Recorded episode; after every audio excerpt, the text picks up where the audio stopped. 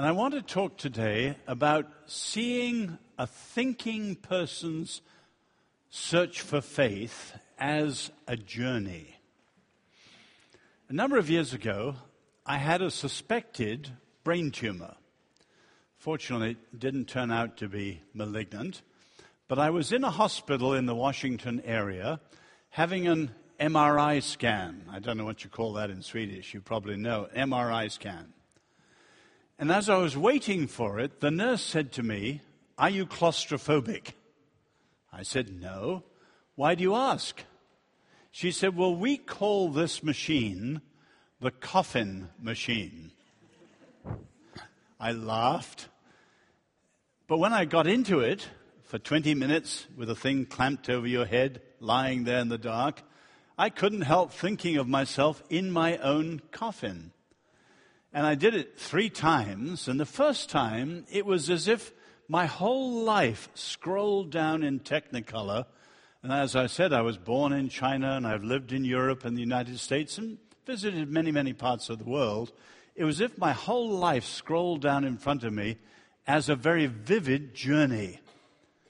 And it prompted me to think of people's search for meaning as a journey. And you can see this if you read books or if you talk to people or think of your own lives. And in fact, the most common picture of human life is a journey. You can just think of our Western books and classics. For example, the Odyssey, a journey, or the Iliad, a journey, or Don Quixote, a journey.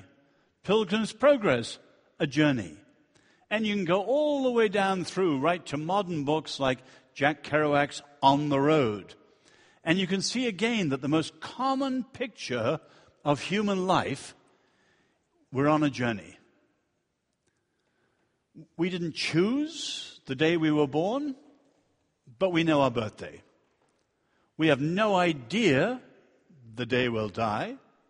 And here we all are, somewhere between our birth and our death, on this journey. And people want to make the most of life and so on. So it's not surprising that this is such a profound and such a deep issue. Now, you probably all know the famous saying by Socrates the unexamined life is not worth living. Now, if Socrates is right, most Westerners are leading lives not worth living because they haven't thought about it. They don't care enough to think about the meaning of life. Actually, you might say that most people, even in our universities, are leading lives not worth thinking.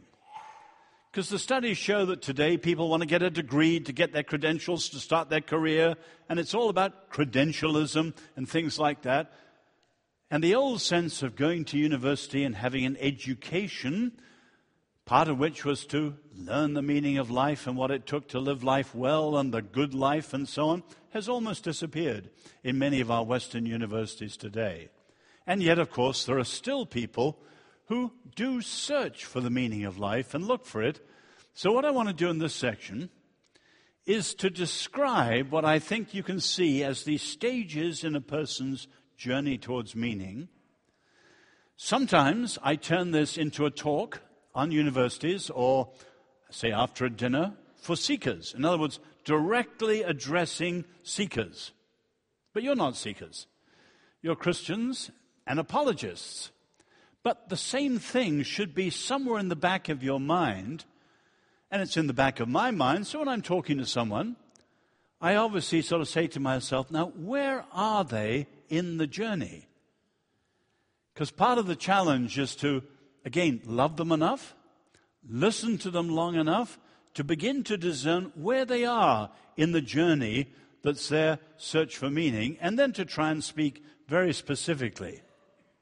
Now, I don't mean, don't misunderstand me, that everybody comes to faith like this. No, this is a thinking person. A lot of people frankly don't think. Even some thinkers don't think that deeply. Uh, there's a very famous management consultant in America called Peter Drucker. very famous and he's Christian. He died a few years ago. I was speaking with him once. He said, The way I came to faith was very simple. He said, I looked at the Christian faith and I knew at once it was the best deal. That was it for him. Now, he was actually a great intellectual. He thought a lot about it afterwards, but like a flash of intuition, he said, That's the best deal, and he became a Christian. Now, so I'm not suggesting everyone laboriously goes one, two, etc., etc. No. You know how you go up in a lift or an elevator in a hotel. Say you go to a New York hotel, I mean a, a skyscraper with more than a hundred floors. You're not conscious of one, two, three, four, five.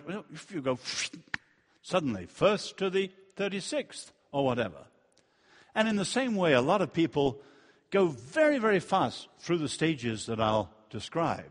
And yet, someone who wants to think it through slowly and carefully, these stages are there, although many people are not terribly conscious of them. So please don't misuse what I'm saying this morning, but just see something of the flow of a thinking person's quest for meaning. Stage one is always a time for questions. It is questions in life that make a person a seeker. Now, of course, most people aren't even there. They don't think about life, they don't care about life, they just live happy go lucky, or taking on what their parents taught them, or their culture believes, or whatever. They don't think at all. That is the unexamined life. Now, in fact, a lot of our apologetic challenge is to get people to stage one. They're not even thinking and caring enough so that life is a question mark. And our challenge is to so press them and pray for them and so on that suddenly they start to think and they care enough to start looking. But stage one is when, for some reason, life becomes a question and people become seekers or searchers. Now, I don't know about Swedish again, but our modern word seeker in English is used very loosely today. So we have what we call channel surfers, people who take their remote control with a television and just run through the channels like that. And that's not seeking. You have what we call in English hoppers and shoppers. You know, dilettantes who go to the shops and, you know, bit of this, bit of that. They're not serious. They're just browsing through things. They, that's not seeking. The seeker, properly understood, is someone for whom life has become a question. It might have been raised emotionally or some tragedy in their life, or it might be an intellectual question they come across, but something that touches the heart or the mind or the will or the life, and suddenly, oh, it's not quite so obvious. I've got a question. Now, what underlies this first stage? In the social sciences, it's said that every human being needs two things meaning and belonging. Humans want to make sense of life, so it's not all meaningless. Things fit in coherently. And they want to have a sense of belonging. Their understanding of the world gives them a place to live in the world with a certain amount of security, even in crazy days like this. Meaning and belonging. And of course, the deepest sense of meaning comes from the worldviews that we have, most of which are religious. Not all. You can have a secular worldview, a secularist worldview. But most of the great worldviews, which give people a sense of meaning and belonging, are religious in one form or another. So, the great philosopher Plato, he describes our philosophies of life as a raft on which we're sailing through the storms of life with safety. Aldous Huxley, who wrote A Brave New World and was an atheist, he describes our worldviews as a cave. Outside, he says, is this alien dark universe, but we have our worldviews like caves in which we live. Various ways humans have described it. Jesus, of course, talks about his way. Knowing him, we live his way. And there's a whole worldview involved in that. But you can see this first stage is when someone realizes they've got questions and they're starting to look for something. Now, if our worldviews, if our faiths or philosophies or religions are that important, we all need them, because everyone has one, even if they're aware of it or not. The question is raised why don't people think about it all the time?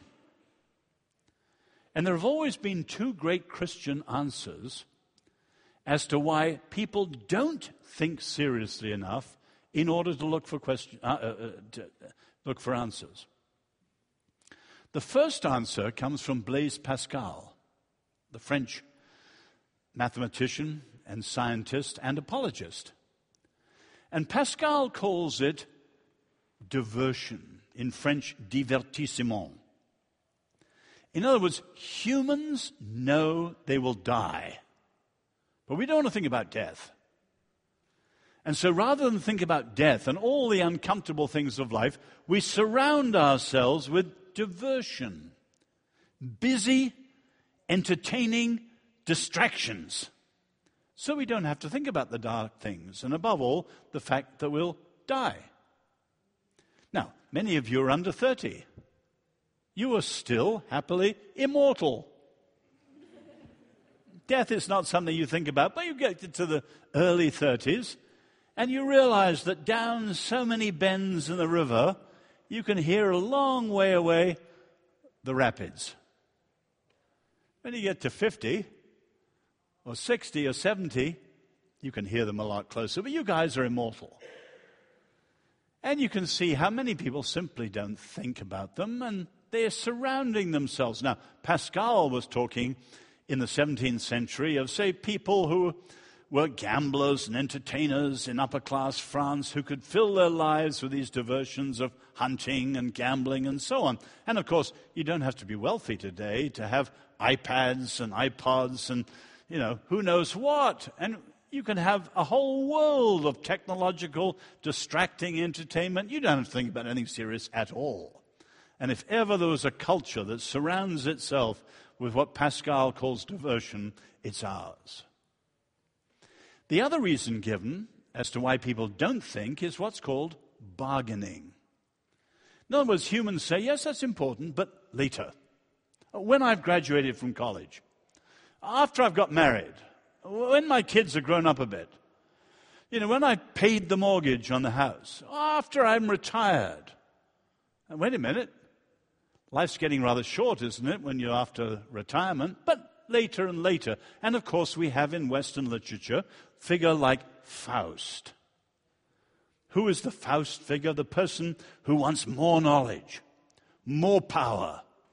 And so, even when time is running out in this life, he's prepared to bargain his soul with the devil to have a little more time and a little more knowledge, a little more power. But of course, the devil has read the small print in the contract, and Faust hasn't. And bargaining never goes on forever. There's always a moment when you say later, later, later, later, and finally, there are no more laters. You remember our Lord tells the story of the man who built bigger and bigger and bigger barns until God said to him, You fool, tonight your soul's required of you. But you can see in our world, a lot of people don't think about life. They don't care about life at all. They just live happily. And they're either through diversion or through bargaining, I'll do it later, they stop thinking. Now, of course, for us as Christians and apologists, the question is why do people think? Not just why they don't think, but why do they? Because we want to encourage people to think because that makes them searchers and they'll be more open to our Lord. Well, it's interesting. What are the sort of reasons that make people think and become searchers? Well, one answer is clearly the seasons and the passages of life. I was teasing you by saying you guys are immortal. There's no question that the period, it used to be said, between 18 and 25 Winston Churchill calls that the big seven years. It stretches a little later now because adolescence is going on into the 30s now. But 18 to 25 used to be the classic big years in the West at which people thought a lot about the meaning of life, about the partner they're going to marry, about the career they're going to choose, and all these big questions. Many of them are settled then. And then often people forget, and then they have, say, a midlife crisis, or a health problem strikes in, and of course, old age eventually. So you can see the seasons of life have something to do with how people are thinking. But then another way is the, are the grand historical events. You take, say, communism. When I was a boy, you had millions of people who were Marxists and communists, ardent, some of them. Many of the people I went to university with in the 60s in London, strong communists. It's gone. Well, early on it started to go when people like Malcolm Muggeridge began to expose Stalin. And then came the news of the Ukrainian terror famines. It didn't quite fit in with a rosy picture. And then you had Arthur Koestler in his book, The God That Failed. But then, of course, in 1989, the Soviet Union collapsed, and all over the world, people became ex Marxists. And you can see how Marxism and communism just publicly collapsed because of this grand historical failure of communism in practice. Now, I'm much more interested, though, in a third way. How is it that ordinary individuals in their personal lives are suddenly turned into seekers? A friend of mine, my mentor, Peter Berger, he calls the experiences signals of transcendence. In other words, he says people experience things in their ordinary lives, day to day. They experience things which, like a signal, go bleep, bleep, bleep, bleep, bleep, and point beyond what they believe and point up towards something else that goes beyond what they believe, which is finally only answered if you come to know the Lord. He calls it signals of transcendence. Let me give you some examples. Obviously, a very famous one is C.S. Lewis. Any of you ever read his story? Lewis comes from Northern Ireland, and my family's from the south of Ireland. We call the Ulstermen very dogmatic. Lewis was a stubborn, dogmatic Ulster atheist. For many, many, many years, you all think of him as a Christian. He was an atheist for many, many, many years. What shook his atheism? He had what he called experiences of being, his words, surprised by joy. These little experiences, which he says were unsatisfied desires, more desirable than any satisfaction. Joy, he said, no, not happiness.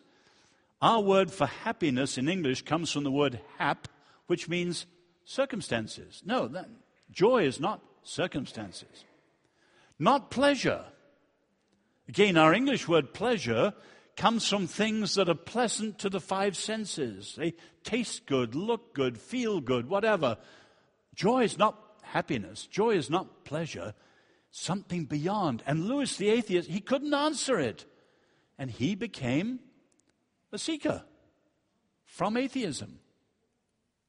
Or take a second example. I mentioned this morning G.K. Chesterton, great, great journalist and writer. He went to university, to an art college in 1890. And it was very like our modern universities cynical, bitter, dark, pessimistic. And Chesterton said he was flirting with the darkness and he was drawing sort of occult pictures and all sorts of things. He says, One thing stopped me from going down that road. I'm quoting him. He said, I was stopped in my tracks by a dandelion, you know, the little yellow flower. He didn't say by an incredible sunset or I watched the birth of a baby or something like no, Mozart's sonata. No, I was stopped in my tracks by a dandelion. He was saying, I look at the world, and much of it is dark and horrific. And it leads you to think you've got to have a worldview that's pessimistic. He said, No, I looked at things as simple as a flower. And in this world of all that darkness, there is beauty, there is wonder. What explains that? So you have the darkness and the light. He said, I was stopped in my tracks by a dandelion and became a seeker. Or let me give another one example, which is maybe easier for you to, uh, to relate to. I don't know if you know the name W.H. Auden, one of the great English speaking poets of the last century. He went to America in 1938. He was an atheist, he was a left wing radical, and he had fought in the Spanish Civil War on the side of the Republicans against the fascists. But as Hitler began to take over Europe, he went to America. But in those days, there was no television. So the way to keep in touch was either through the radio or going to your local cinema and watching the documentary news every week. And he was in a part of New York, Manhattan, which is actually mostly Germans. He didn't know that. He went to the cinema one Saturday and he watched a film of Nazis invading Poland. And Nazi stormtroopers were bayoneting women and children brutally. And to Auden's horror, sitting in this big cinema, the German speaking audience cried out, Kill them, kill them. They were on the side of the Germans, of course. And Auden sat there in the dark. He said, in two minutes, his whole worldview was turned upside down. He said, I realized two things. First, we humans are all evil. He said, I'd never believed that before. I always thought better politics, better education, better psychology, and everything would be improved. He said, I looked at that, I knew we humans have evil in us. But then the interesting thing, he said, I knew I needed an absolute to say that Hitler was absolutely wrong. Now, he said, as a European intellectual, I'd spent all my life saying there are no absolutes. Only silly old fundamentalists believe in absolutes. He said, but I was looking at something which was absolutely wrong. And to be able to say that, I had to have an absolute to judge it absolutely wrong. So Auden says, I left the cinema a seeker after an unconditional absolute and met Jesus. Do you see what I'm saying? In each of those cases, my friend calls it a signal of transcendence. Something happens in their lives that creates questions and signals that bleep, bleep, bleep, bleep, bleep, bleep, that puncture and go beyond whatever it is they believe. And they have to look and they become seekers. Now, as I said, most people are not even there. And we've got to raise questions to them with love and various other things to challenge them to be serious enough about life in order to think and have questions. But the first step for a real thinker is when life becomes a question. On to, I've taken a long time on that one. Let me move faster than the others. The second stage is a time for answers.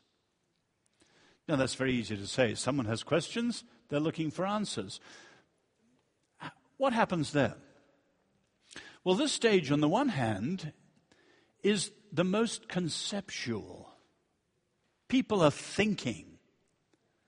In the first stage, often it's their emotions or something else that's tripped them up, but they don't want to commit themselves to anything too soon. They want to look for answers, so the mind is sent out like a scout ahead to look for answers. And so this stage sounds a little more conceptual, intellectual, theoretical, because they're looking for answers. They don't want to buy into anyone too soon. They want to find out what's best. The second thing to say about this stage is it's comparative. There are many answers out there. You men want a jacket? You ladies want a dress or a blouse or something? You're not going to go to a shop and buy the first one you see. Well, some people do. Most people, though, have something in their mind that they like, the color they like, the things they want to wear it at, and so on. And they're looking around and prices and styles. They're looking, comparing. It's very important apologetically. Think of this little principle contrast is the mother of clarity. Contrast is the mother of clarity. When people really see the differences between the various faiths and the fact that the differences make a difference, then things become much clearer. A lot of people are turned off by the church because all they know is the Christian faith. And they've probably seen a rather poor version of it at that. When they really see the alternatives, then the contrasts make things much, much clearer. Now, you remember what I said last night, if you were here last night. There are a thousand and one answers in the room. But for all practical purposes, there are the three big families of faiths. I described them last night the Eastern family, Hinduism, Buddhism, New Age, the secularist family, atheists, agnostics, materialists, naturalists, and the Abrahamic family, Jews, Christians, and Muslims. Each of those families has profoundly different answers to the meaning of life. For example, you could take some of the big questions like why does any of us matter? Why are human beings important? Why is there any dignity to a human being? Well, the three families have very, very different answers. If you go to the East and you say, Tell me the purpose of life, Buddha will say, Forget it. Why? To take yourself seriously as an individual in Hinduism and in Buddhism is to be caught in the world of illusion and to be bound to the wheel. And in the East, freedom is not freedom to be an individual, it's freedom from being an individual. Because being an individual is what's the problem is. You don't have any high view of human dignity in the Eastern religions. How about the secularists? Well, everything in the secular worldview comes from chance. So there's no meaning out there in the universe. When I was a student at London University, I remember he was an old man then, late 80s, early 90s, I think, Bertrand Russell. Great philosopher. His view is that as humans, we create our own meaning. There's no meaning out there. You don't discover meaning, you create your own meaning. And his picture was Atlas, the Greek giant who carries the world on his own shoulders. Every one of us must do it ourselves. So if the East says, purpose, forget it. Humanists say, in effect, purpose, do it yourself. Nietzsche says, you must so live that at the end you say, thus I willed it. Ayn Rand says, you must so live to be able to say, and I meant it. Now, it's all do it yourself. Meaning, right, wrong, everything, which is great when you're young enough and you're healthy enough, and particularly if you're wealthy enough too. You can have an illusion that you can do it all yourself. But of course, you think much more deeply. We know very well we simply can't. But look at the third view, the biblical view Jews and Christians. What's the meaning of our lives? We are made in the image of God. Every one of us unique and different. So purpose is partly be who you are, because God made you unique. But more than that, calling. Purpose is also not just be who you are, but become whom you can become. So God knows your potential, your gifts, your aspirations, His designs for you follow his call. And just as God said, let there be light, and this whole incredible universe springs into being. So Jesus says, Follow me, follow me, follow me. And as we do so, we rise up to the full potential we have, which you won't find anywhere else. No, contrast is the mother of clarity. Now, of course, each seeker has a different question. It might be guilt, it might be purpose, it might be evil, the answer to, or whatever. But if you run the questions through the different families of faiths, they give you very, very, very different answers. So never go for the stupid line, they're all saying the same thing. Nobody has ever found the common core between the religions. They are incredibly different. And the differences make a big difference. And not just for individuals, they make a big difference for whole societies and for entire civilizations. So there's the second stage. The thinker, time for questions, a time for answers. You're looking for something which is adequate, which throws light on the world as you see it. Well, on to the third stage. The third stage is a time for evidences.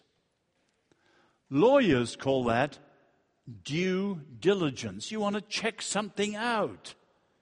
You don't accept it at face value. You want to look into it and check it out to see if it really has substance. Philosophers call that justification. Not, not theological justification, philosophical justification. Giving reasons or finding reasons for what you're being asked to believe. Now, very generally, there's two broad ways of checking things out. One way is looking at things as a big picture. An example of someone who is convinced of the Christian faith is true like that is G.K. Chesterton. You remember I said he was stopped in his tracks by dandelion. So when he was a seeker for many years, he looked for a faith, a philosophy of life that could explain two things, not just one. Why the world was dark and why there was still wonder in our human existence.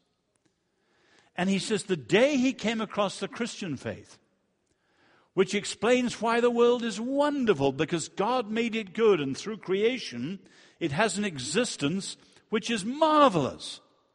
But at the same time, the Bible says, because of the fall, it is partly ruined. He said for the first time he saw an explanation of not just one or the other, but both. And his description is like Eureka he describes how all the little nuts and bolts began to fit into place. And suddenly, here was a worldview which helped him to make sense of what he knew in reality. That's the big picture way. The other way is the close up, sort of much more detailed, factual way. An example of that was C.S. Lewis. And you probably know the story of how he came to faith. He's at his Oxford College, Magdalen College. And one of the people there, knowing he was looking at everything, one of the dons next to him said, Jack, you should look at the Gospels. The man didn't personally believe, but he was saying, you know, Jesus, great moral teacher, you should look at that. So Lewis, literary critic, looks at the Gospels. And he sees that the Don's idea didn't work. Why? Well, you can see in the Gospels, Jesus was certainly a great moral teacher. Who else taught people to love their enemies? Nobody. Who else taught people to forgive without limit? And all the extraordinary things that Jesus taught. Yes, an extraordinary moral teacher. But Lewis said what the Dons forgot was the other facts in the Gospels. This man was saying things which, if they weren't true, would make him a liar or a lunatic. He said, How do you put those two together? And you know how he argues. Is he a liar? No, doesn't look like that. Was he a lunatic? No, far from it if you look carefully. Was he a legend concocted by his disciples? No. Lewis was a textual critic. He could know what myths and legends were like. Horror of horrors, what's the only other alternative?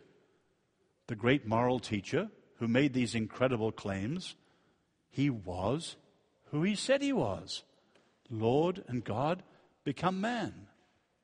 And Lewis was brought to his knees by the truth of these detailed facts as he investigated them for himself. A time for evidences. The last stage is always a time for commitment. Because obviously, any deep understanding of truth is not just purely theoretical. There's a point at which truth is so overwhelming that it demands the commitment of the whole person the mind, the emotions, the will, commitment. I remember reading a story of a European Christian who was in Kenya. And he was writing something about faith, and he was showing it to his Kikuyu friend and the Kikuyu warrior looked at this and said, you know, Your word for faith is hopeless. He said, Your word for faith is the sort of word we'd use for a hunter in Kenya who has a magnificent rifle with a telescopic sight. He could shoot a wild animal at a thousand yards. He said, That's your word. In other words, very detached assent.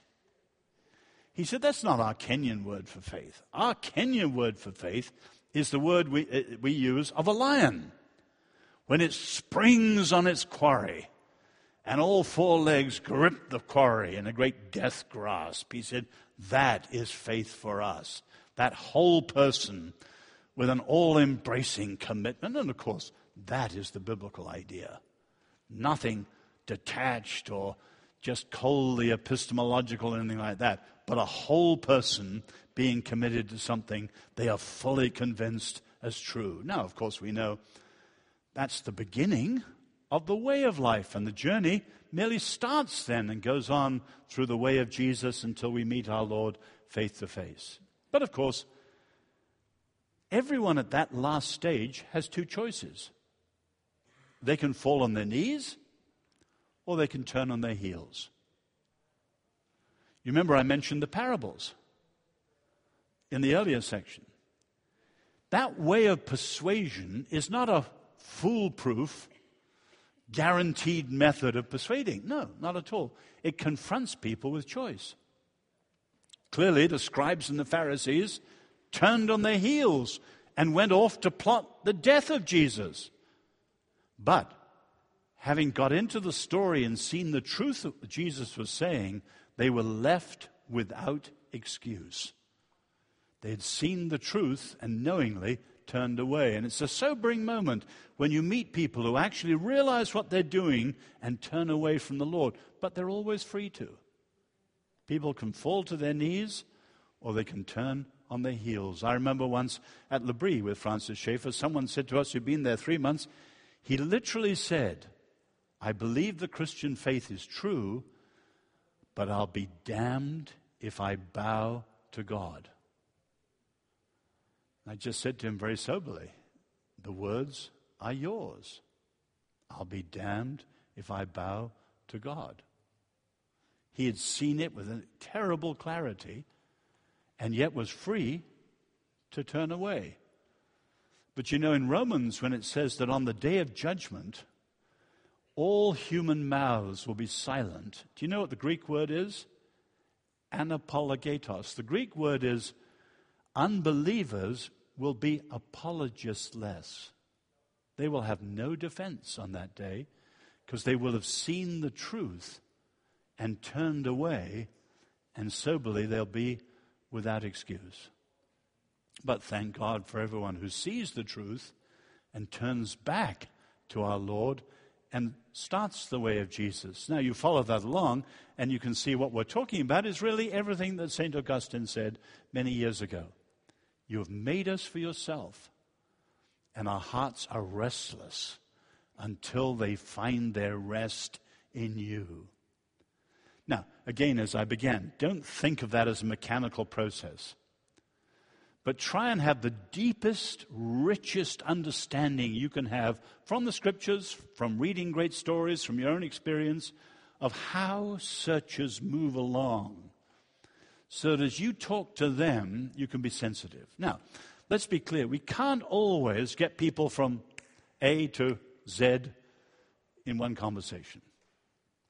The way to see it is if you think of everybody's search as, say, 1 to a 100.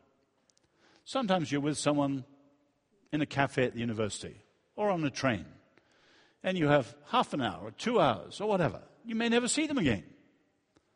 All we're responsible for as the Lord's witnesses is to find out where they are now and lead them as far as we can appropriately. But if someone's absolutely stuck at five, their father was a Christian, I'm thinking of a southerner I met in the United States a few years back.